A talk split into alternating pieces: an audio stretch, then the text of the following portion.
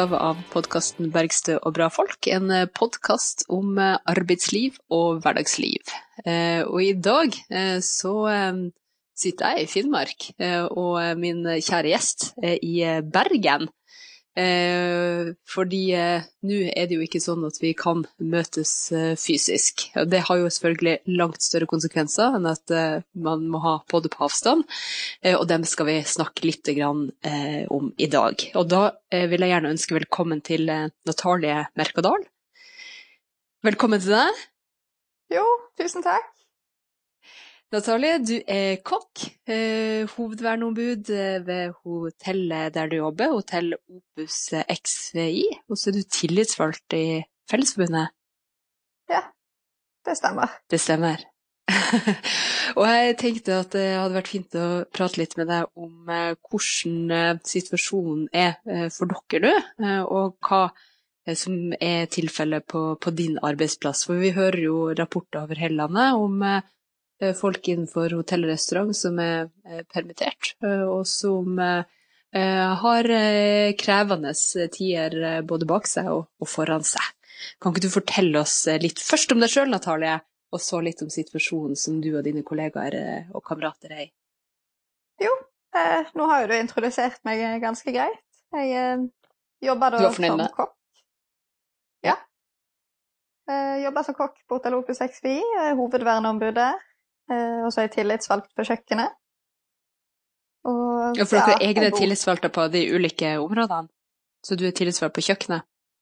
Ja, altså vi, i klubben så er vi da tre tillitsvalgte, og da har vi hovedtillitsvalgt, eh, nestleder og sekretær. Og da mm. har vi på en måte delt avdeling i det litt sånn at vi har et hovedområde, sånn at det blir litt lettere for medlemmene å vite hvem det er lettest å gå til. Ja, nettopp. Sånn at linja skal være kort? Ja. Eh, og så har vi jo mm. da samarbeidsmøter oss imellom. Ja. Så det, det har fungert ganske greit. Det, det, er jo ikke så veldig mange måneder siden vi fikk tariffavtale heller, så alt har vel egentlig gått ganske fort. Fortell om det, da. Ja, nei, vi fikk eh, tariffavtale i fjor. Eh, slutten ja. av året. Og det har egentlig sier, gått ganske eh, Ja? Ja, eh, hva var det du lurte på? Når du sier at vi fikk tariffavtale, betyr det at eh, det holdt på en måte å kreve det, og så kom det i orden, eller? Ja, nei, eh, det var ikke vi, vi hadde en veldig lang organiseringsrunde rundt på huset. Eh, det begynte jo med at jeg var den eneste som organiserte, og så fikk jeg engasjert en i serveringsavdelingen som hjalp meg med å mhm. organisere. Og så kom en nyansatt i resepsjonen eh, som også var veldig engasjert. Så når vi da var tre stykker om det, så klarte vi å få organisert mesteparten på ganske kort tid. Eh, og tariffavtalen gikk veldig lett gjennom. Bedriften var positiv til det. Så bra. Så utfordringa var først og fremst å starte med organiseringa av eh, alle som jobba der? Ja, det, mm. det, er ikke alltid like enkelt uh, å organisere i denne bransjen, for veldig mange er deltidsansatt eller skal bare jobbe der en liten stund, eller uh, uh, Ja. Det, det, er ikke alltid like lett å få interesse. Hvordan er det du har gått frem da, for å få flere til å melde seg inn i Fellesforbundet og, og bli med? Nei, altså stort sett så går jo man frem med å på en måte veie opp fordelene med å være organisert og alt vi kan få til sammen. Mm. Eh, bare noe så simpelt som å fortelle det at du har mer rettigheter som eh, organisert på et hotell med tariffavtale, pleier å være et veldig godt kort å legge fram. Så da brukte du muligheten som, eh, til å få tariffavtale som et argument for å bli organisert? Ja, så jeg har lagt fram alt vi kunne forbedret, da. Eh, rettigheter man får, og eh, noen vil gjerne vite om eh, hva de kan tjene på det. Det pleier vi sjelden å bruke som argument, for du skal ikke på en måte bli medlem pga. økonomisk gevinst. Det skal være av prinsipielle årsaker. Mm. Hva tenker du at er de viktigste prinsipielle årsakene til å organisere seg? Ja, men man kan jo gjerne legge frem det med at vi får mer feriepenger og, og sånne ting, men jeg tenker at det viktigste er å legge frem at du har mer rettigheter som tillitsvalgt, så kan vi faktisk hjelpe i vanskelige situasjoner. Og nå når vi da har vært gjennom denne permitteringsprosessen, så har jo det mm. vist medlemmene hvor viktig det faktisk var å få på plass den tariffavtalen. For hva tenker du at ville vært forskjellen eh, nå og uten en tariffavtale?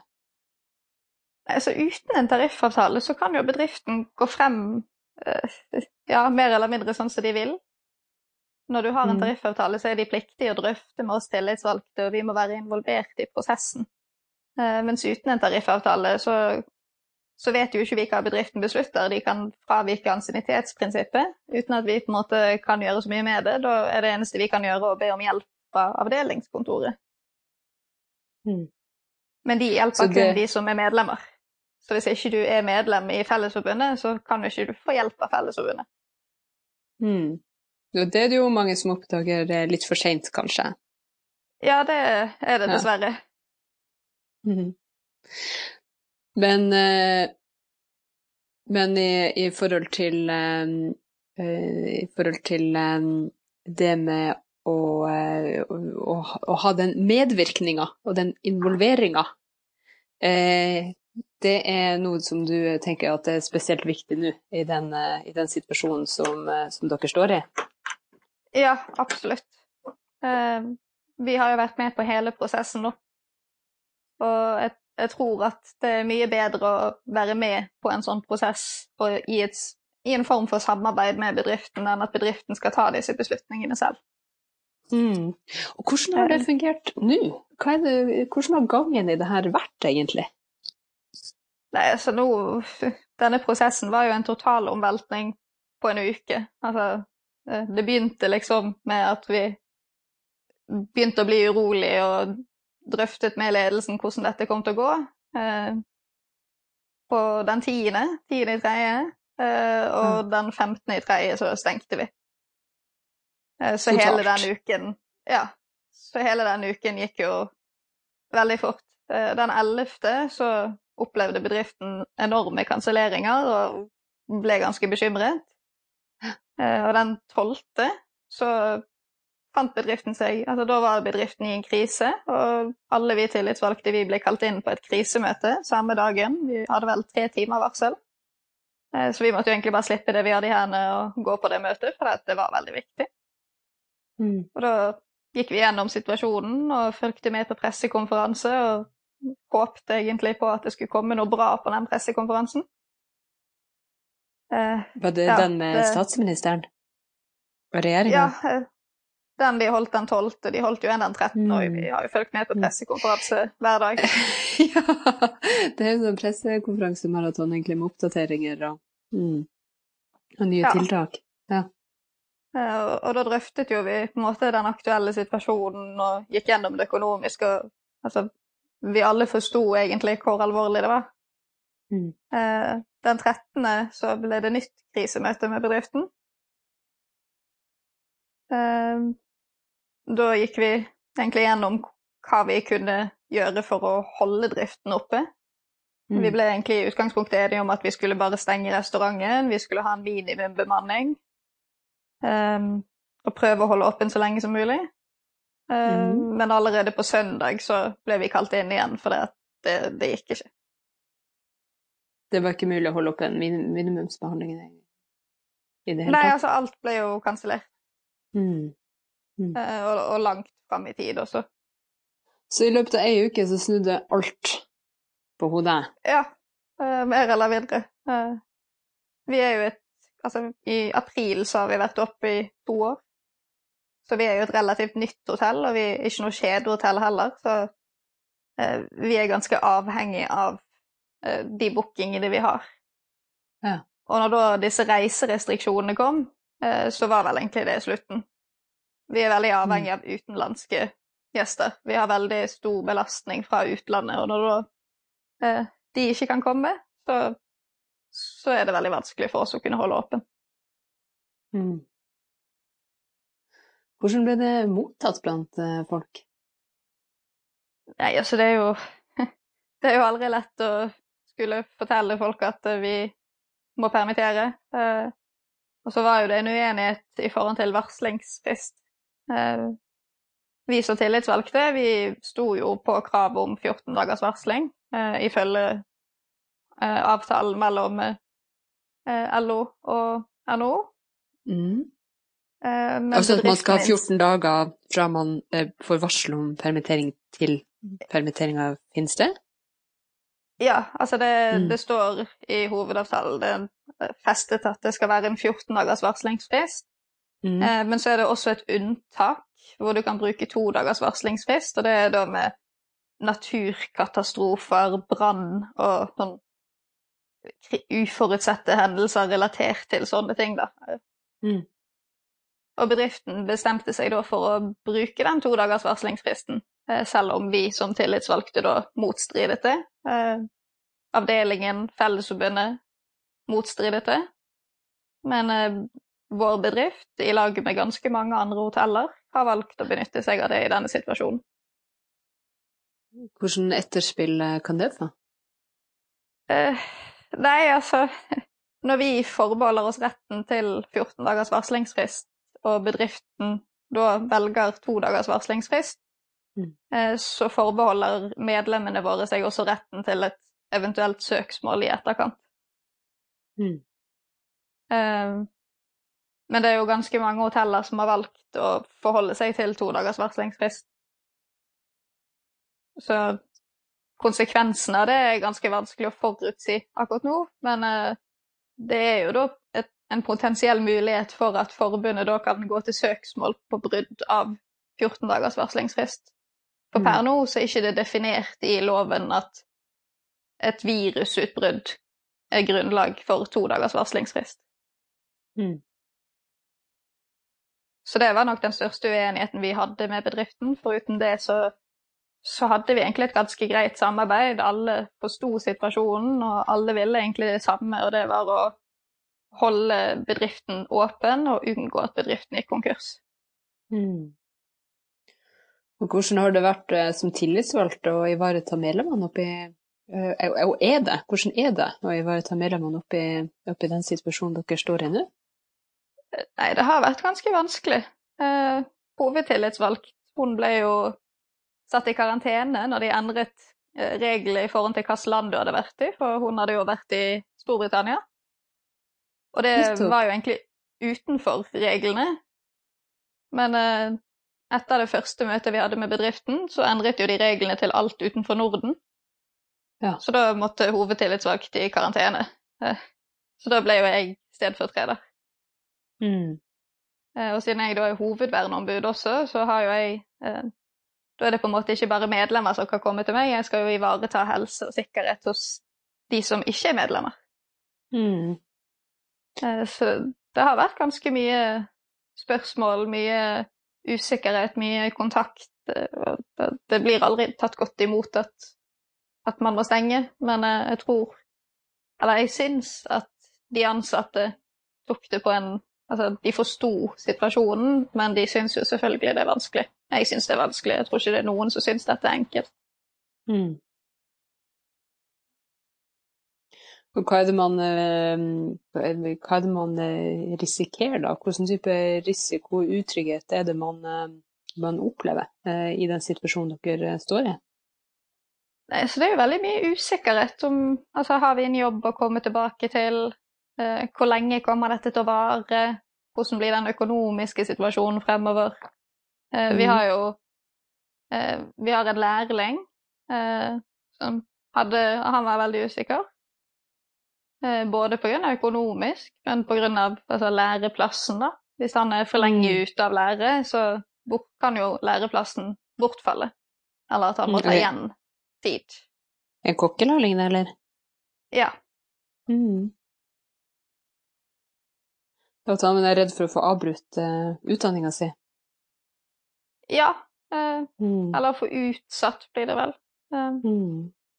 men nå har jo de nye reglene om eh, hvor mye du må ha opptjent før du har rett på dagpenger, blitt endret, så nå får han iallfall økonomisk kompensasjon. Men eh, altså, det blir jo et stort hull i læretiden, så i verste fall så må jo han ta igjen denne tiden.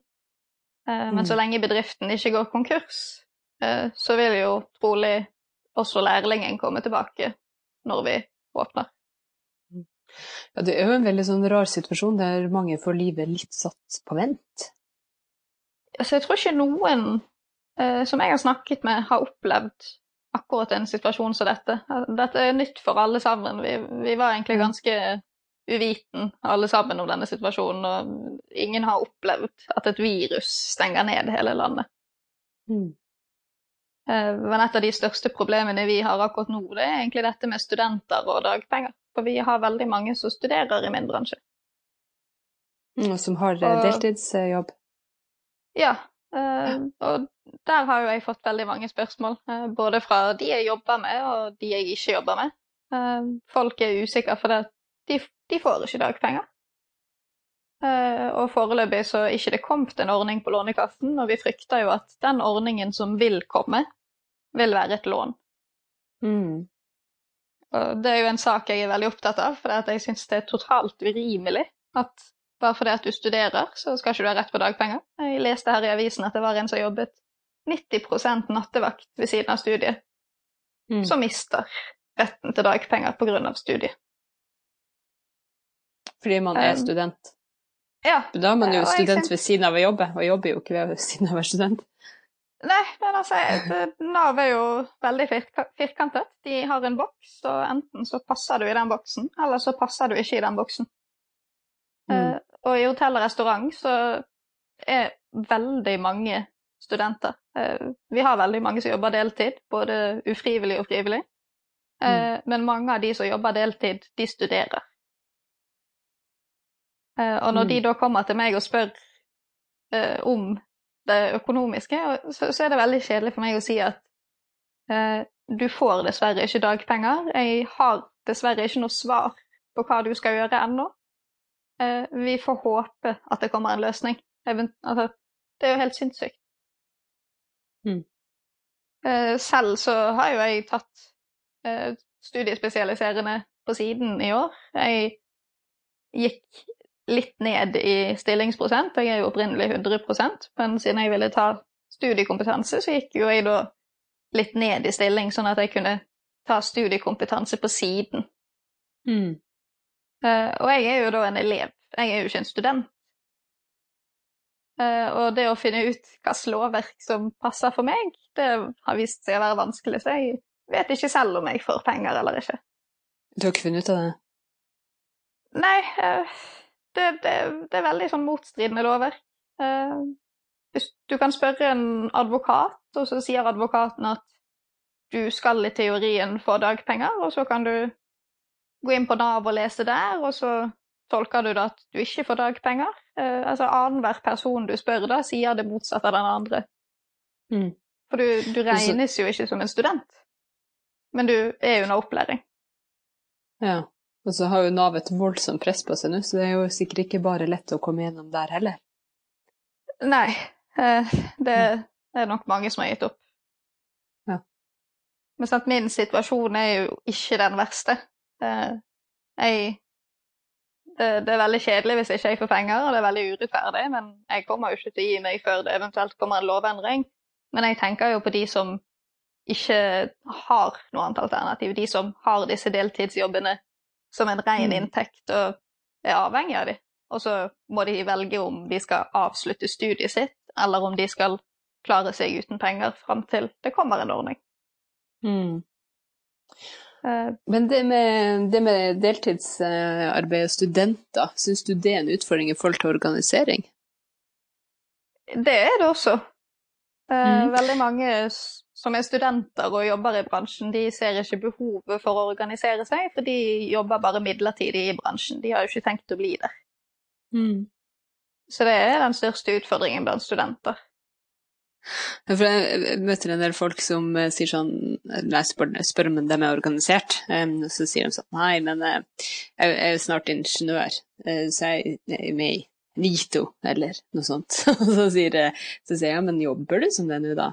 Nei, nei, nei, nei. jeg har jo jobba på hotell her i tre år. Eh, så sier jeg så, men da er det jo kanskje lurt å, å være organisert der du jobber, og så kan du heller organisere deg eh, på den arbeidsplassen du ja, hvis du bytter arbeidsplass, at du, at du da også bytter fagforening til der folk er organisert da.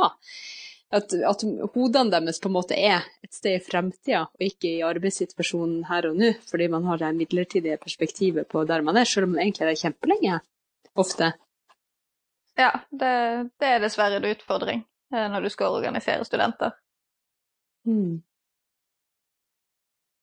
Og det er jo mm. sikkert noe mange kjenner på nå, når man eh, virkelig eh, trenger et fellesskap som stiller opp for seg. Ja, det vil jeg tro. Um, heldigvis på min arbeidsplass så har jeg fått organisert uh, de som jobber deltid og de som jobber heltid. Vi har nesten, nesten full organisering i hver avdeling. Det er én avdeling vi sliter litt med, men det Forutenom den, så, så, er det egentlig ganske høy organisasjonsgrad. Men jeg har jo snakket med ganske mange andre som har det ganske motsatt av det vi har, da. Hmm. Så du opplever at du At folk blir med når du går litt sånn systematisk til verks? Ja, altså hvis du, hvis du prøver veldig hardt, så kan jo du nå igjennom. Men altså, det er en utfordring med studenter. Eh, noen er du heldig med, og noen bare forholder seg til studentorganisasjoner. Um, ja, så nå prøver jo jeg å koble et samarbeid med LO sitt ungdomsutvalg, og opp, kunne på en måte bidra litt der, da. Jeg har i hvert fall vært i kontakt med dem, uh, så jeg håper at vi kan få gjennom en rettferdig ordning for studenter. Mm. For jeg, jeg syns jo det at hvis du, hvis du jobber, uansett om du jobber 15% deltid, eller om du jobber 70% deltid, så vil jeg si at en, en arbeidstaker er en arbeidstaker. Mm. Og en inntekt er en inntekt, og når du mister en inntekt, så burde du på lik linje med alle andre få en kompensasjon for den inntekten du mister. Mm.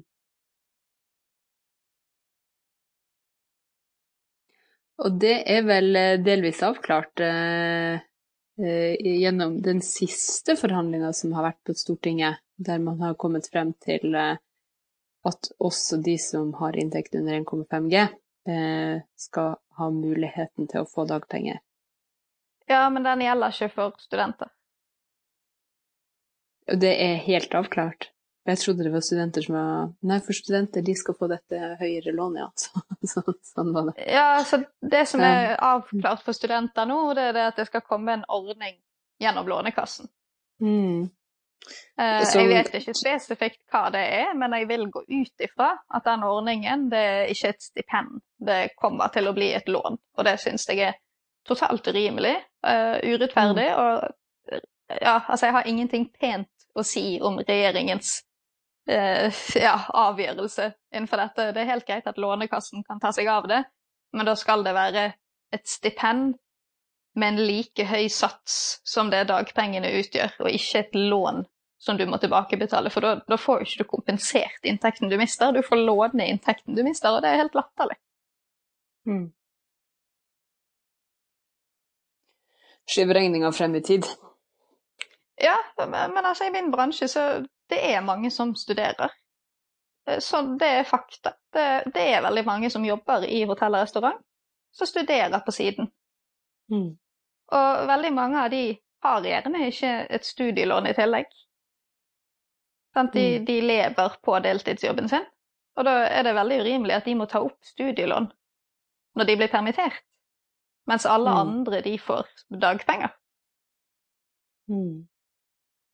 Eh, så det, det, er jo noe av det vi prøver å jobbe med akkurat nå, da. Eh, jeg har i hvert fall satt fokus på det. Det er jo kjempeviktig. Da vi hadde den her oljekrisa for noen år tilbake, og veldig mange mista arbeid og ble permittert innenfor for oljebransjen, så så man jo også hvordan eh, lovverket mellom arbeid og, eh, og, og utdanning eh, stanga imot hverandre. Fordi da var det ikke eh, Det var ikke mulig å eh, få tatt noen form for, eh, for, utdanning hvis det var, kunne være en del av en grad. Var, liksom det man, man stanga imot da. Eh, og i en situasjon der vi vet at, at vi trenger ja, vi trenger mer sånn tanke om livslang læring og, læring, og at uh, folk må jo kunne få påfyll og, og kompetanseheving gjennom, gjennom tida i man er i jobb, uh, og også det når man opplever nedgangstider, så er jo det en mulighet for å, for å kunne benytte seg av den typen ordninger, så burde det jo være mye større smidighet, uh, istedenfor at folk ender opp med å, med å ta på det. Ja, Nei, altså I går så leste jo jeg uh, Jørn Eggum hadde jo vært ute i media og foreslått at permitterte industriarbeidere de skulle mm. heller uh, fått muligheten til å ta kurs og liksom bygge kompetanse mot det grønne skiftet når de først da var permittert. Uh, mm. Da får man det grønne skiftet tidligere, var det han sa. hvis de faktisk kan bruke tiden fornuftig og mm. gi, gi, seg sjøl kompetanse og kursing og Altså, ja, på en måte da studere, men gjennom kurs. Mm. Benytte den permitterte arbeidskraften til noe fremtidsrettet. Jeg vil jo mm. se på dette med studiet som det samme, da. Altså selv om det ikke kan sammenlignes helt, så er jo det fortsatt at du studerer jo for å utdanne deg til noe som du har tenkt å jobbe som seinere. Men selv nå så, så stiller jeg meg sjøl spørsmålet hva skattepengene mine egentlig går til i dag, for jeg syns at hele situasjonen er urettferdig.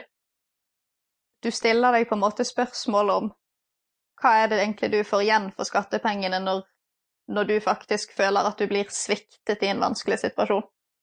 Og det tror jeg veldig mange spør seg sjøl om akkurat nå. Fordi det, det, er sånn du opplever det? Jeg tror det, veldig mange opplever det sånn. Mm. Altså i min bransje så, så, lever vi på lønnen vår. Altså vi lever fra måned til måned. Mm. Og litt sånn som jeg skrev i den kronikken, så, så lever vi egentlig ikke, vi overlever.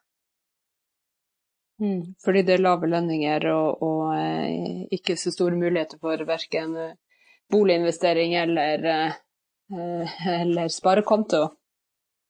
Nei, altså vi Veldig mange leier bolig. Eh, mm. Når du kanskje er litt oppe i 20-årene, begynnelsen av 30-årene, så klarer man å få sin bolig, men jeg vil nok si at flertallet sliter med boliginvestering. For det, det er lave lønner, og lønnen strekker ikke akkurat til til å legge av et par tusen i måneden til en egenkapital. Og en kollega av meg sa så fint det at vi lever jo på luft og kjærlighet. Og kredittkort er jo en følgesvenn for veldig mange. Og det, det, er en realitet i det hun sa. Det, det er veldig mange som avhenger av å ha et kredittkort. Ikke at vi makser ut kredittkortet og får masse kredittgjeld, men at man trenger et kredittkort for, for, å få måneden til å gå rundt. Mm.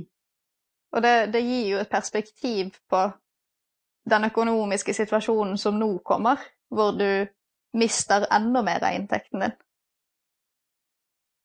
Mm. Altså det, det, var jo veldig bra at de økte dagpengene til 80% fram til 300 000, men altså selv 80 er en livsomveltning. Mm. Ja, har man lite, så merker man det veldig godt når man mister. Så innmari godt når man mister. Og Derfor er det jo forbanna provoserende at uh, man i de her uh, krisepakkene ikke stiller krav til utbytte, uh, stopp eller begrensning, og at, og at regjeringspartiene og Frp ikke, ikke, ble med på det, altså. Fordi det er jo en mange... kjempeprovokasjon. Altså, veldig mange av disse pakkene tilfaller feil. Altså sånn som vi medlemmer, da. Eh, vi har jo mm. fått eh, sånn rentefrys på altså boliglån. Og mm. det er jo veldig bra for de som har boliglån, men de fleste av oss har gjerne ikke det. Mm. Eh, så jeg Altså, hva skal jeg si til min husvert når jeg skal betale husleien? Sorry, jeg har bare halvparten, jeg håper det er greit. Jeg vet ikke om jeg kommer til å ha halvparten neste måned, men vi kan jo bare ta det så det kommer, kanskje vi? Jeg vet ikke om han blir så happy for å høre det, da, men det er jo sånn realiteten kommer til å bli. Mm. Og du- disse lånepakkene Mm. Ja, altså dette med at bedrifter skulle få en, en form for lån, da. Mm. Eh, Det er jo veldig sjenerøst, men det er ikke et lån bedriftene trenger. Det er tilskudd.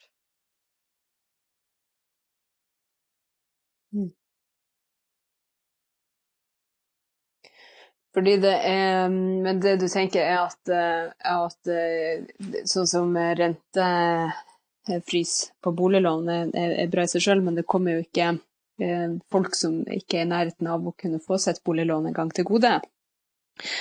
Nei. da burde man kanskje gjort noe med fordelinga i, i de her um, pakkene, da. Er det sånn jeg oppfatter det? Ja, så akkurat dette med boliglån, det er jo fra eh, LO Favør. Mm. Så jeg vet ikke hvorvidt det går inn i pakkene. Det er nok noe LO Favør har jo en samarbeidsavtale med Sparebank1. Mm. Eh, Og Sparebank1 har jo da valgt å si, fryse akkurat boligrentene. Og det, det er jo veldig bra for de som faktisk har boliglån, men jeg savner at det kommer noe til alle oss andre fra regjeringen sin side. Eh, altså, da er Mm. ikke det bare studenter jeg tenker på, det er jo mange som jobber deltid uten å studere i bransjen. Uh, for det at vi har et Mm. problem med deltid. Det er veldig Mm. mye deltidsstillinger. Eh, og hvis du da jobber 70% og så blir du permittert, så får jo du da 80% av de 70 prosentene. Og når du da har tjent 300 000, så får du 62,4% av de 70 prosentene. Hva tenker det- du at burde det- gjøres da, Natalie?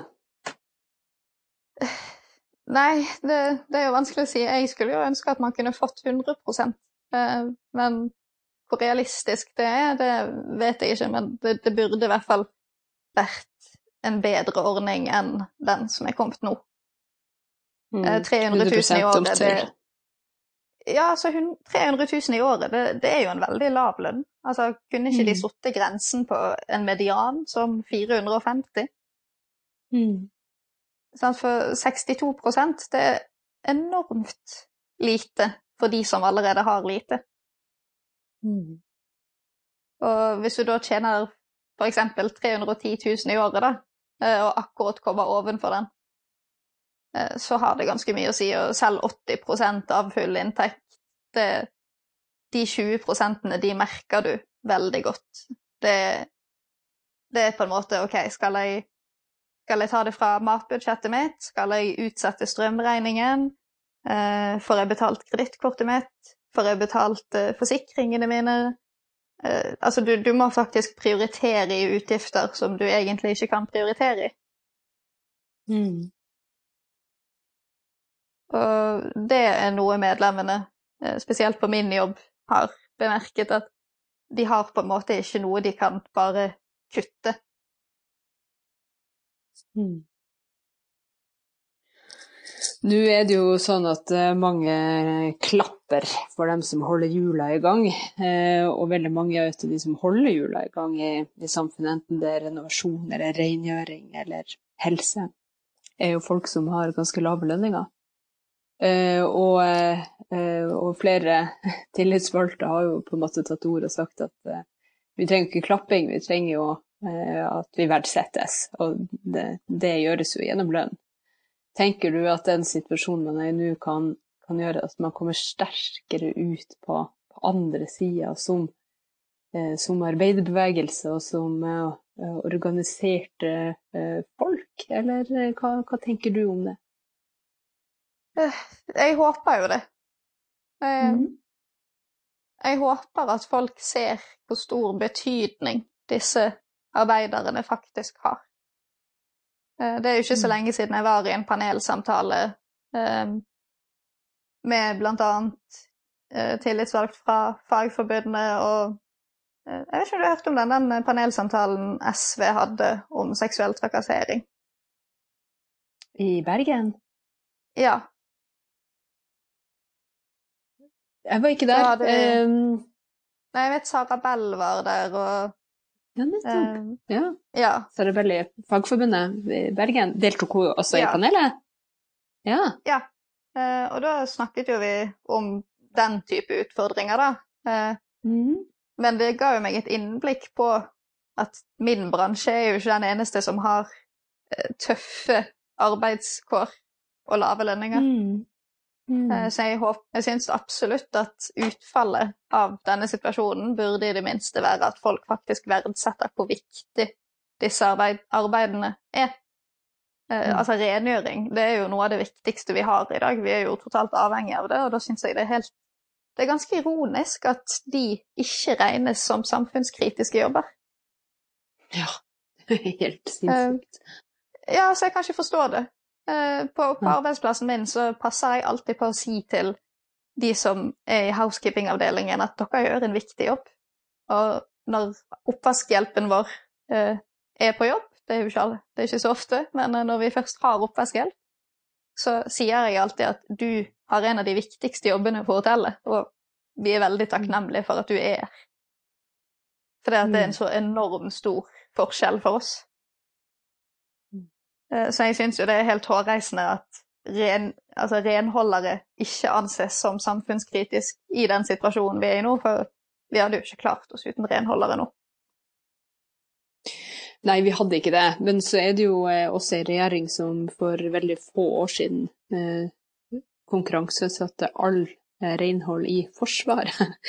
Det og det sier jo litt om hvordan man tenker rundt, rundt det å utføre arbeid eh, og fagligheter i det. Eh, at man tenker at så lenge man får ned utgift, utgiftene med mest mulig konkurranse, istedenfor å ha eh, trygge arbeidsforhold med lønn, pensjon, og arbeidsvilkår og faglighet. Ja, der er det jo en, en ulik måte å tenke på, da. Og det er jo en forakt for arbeidsfolk som ligger i et sånt grunnsyn. Altså Som sosialdemokrat så er det nok ikke noe hemmelighet at jeg eh, ikke har noe pent å si om den sittende regjeringen. Eh, Men eh, så lenge jeg har vært Mm. aktiv i Fellesforbundet, så, så har jeg på en måte følt på en evig kamp mot høyresiden. mm. Eh, alt ifra arbeidsmiljøloven, og de ville endre reglene for midlertidig ansettelse, og altså alt. Jeg føler Mm. ikke at de er Eller at de gjør noe for folk flest. Eh, jeg føler Mm. at de gjør noe for folk med penger. Mm. Men eh, hvis jeg skal Og være det er jo ikke bare en følelse. følelse. Nei, eh, men hvis jeg skal være upolitisk, eller upartisk, eh, så vil nok meningen min være akkurat det samme, at jeg syns ikke at de ivaretar arbeiderne i denne situasjonen. Eh, noe har de gjort, men det er nok ikke de som ville ha det. Jeg føler egentlig at når opposisjonen i samarbeid med fagsiden presset Mm. regjeringen, da fikk vi gjennom noe. Men du tenker på de krisepakkene som har vært til forhandling i Stortinget? Ja, altså man kan jo bare gå Mm. tilbake til det første med at de reduserte arbeidsgiverperioden ned til to dager. Mm. Eh, De sa jo ikke at de samtidig fjernet de resterende dagene med full betaling. Mm. Eh, Og da var jo det først når opposisjonen og fagforbundene presset på regjeringen, at de da la til at ok, arbeidsgiver skal betale i to dager, men staten skal betale fullt opp til det har gått 20 dager, så altså de resterende dagene mellom 2 og 20. Mm. Mm. Eh, Så Nei, Ja. denne regjeringa, de har valgt side. Og vi vet eh, hvem sin side de har valgt. Det er eierne og spekulantene og de aller eh, rikeste eh, sin, sin side. De har valgt, og det er dem som de har valgt å beskytte òg. Eh, så er det jo klart at det er vår oppgave å sørge for at arbeidsfolk blir sett, og at det blir en, en mer rettferdig fordeling i de krisepakkene. Men det er jo en, en, et, et tungt lass å dra eh, for, å, for å få det til. Men det er jo en høyst nødvendig jobb at blir, at blir gjort. Så det er noe av det jeg reagerte mest på med det siste som har kommet, det er egentlig at det ble vedtatt at bedrifter som mottar krisepakke eller krisestøtte, fortsatt får lov til å ta utbytte. Mm. Det syns jeg er helt sinnssykt, både som privatperson og som hotellarbeider. For det er ikke mange år siden Mhm. vi hadde i media at hotelleiere tok ut millionutbytte og Mm. ga null i lønnsøkning til de ansatte. Mens dere som skaper verdiene og sørger for at, eh, eh, at drifta er i gang, uh, ikke får uh, smak på, på det. Nei, altså det sier jo sitt når hotell og Mm. restaurant måtte streike i nesten fem uker bare for å få retten til lokale forhandlinger. Men hva har eh, resultatet blitt av eh, det, da? Har dere merka noe Eh. endring lokalt? Jeg kan jo ikke si at flertallet av oss har det. Eh, Det kan hende noen få har merket det, men eh, sånn på landsbasis så må jeg nok si at det har ikke ført oss noe lenger. Mm. Eh, Vi hadde jo håpet noen- godt oppgjør i Hva? Mm. Ja. Håper godt Nei, altså vi hadde jo i år, eh, men nå er jo det utsatt, da.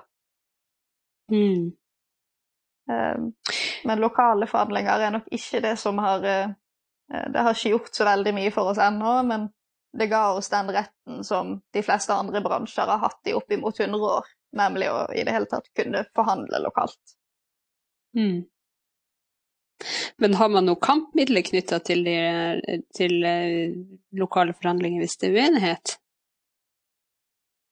Uh, uh, ja Jeg har ikke vært med på så mye lokale forhandlinger ennå, men sånn som jeg har forstått det, så er det på en måte Hvis ikke vi får det gjennom lokalt, så, så går det på en måte på de store oppgjørene, sånn som det vi skal ha i år. Mm. Eh, For hvis bedriften ikke har lyst til å gi deg mer i fredstid, så ja, hva skal man egentlig gjøre da? Mm. Mm. Det er et uh, godt spørsmål å stille.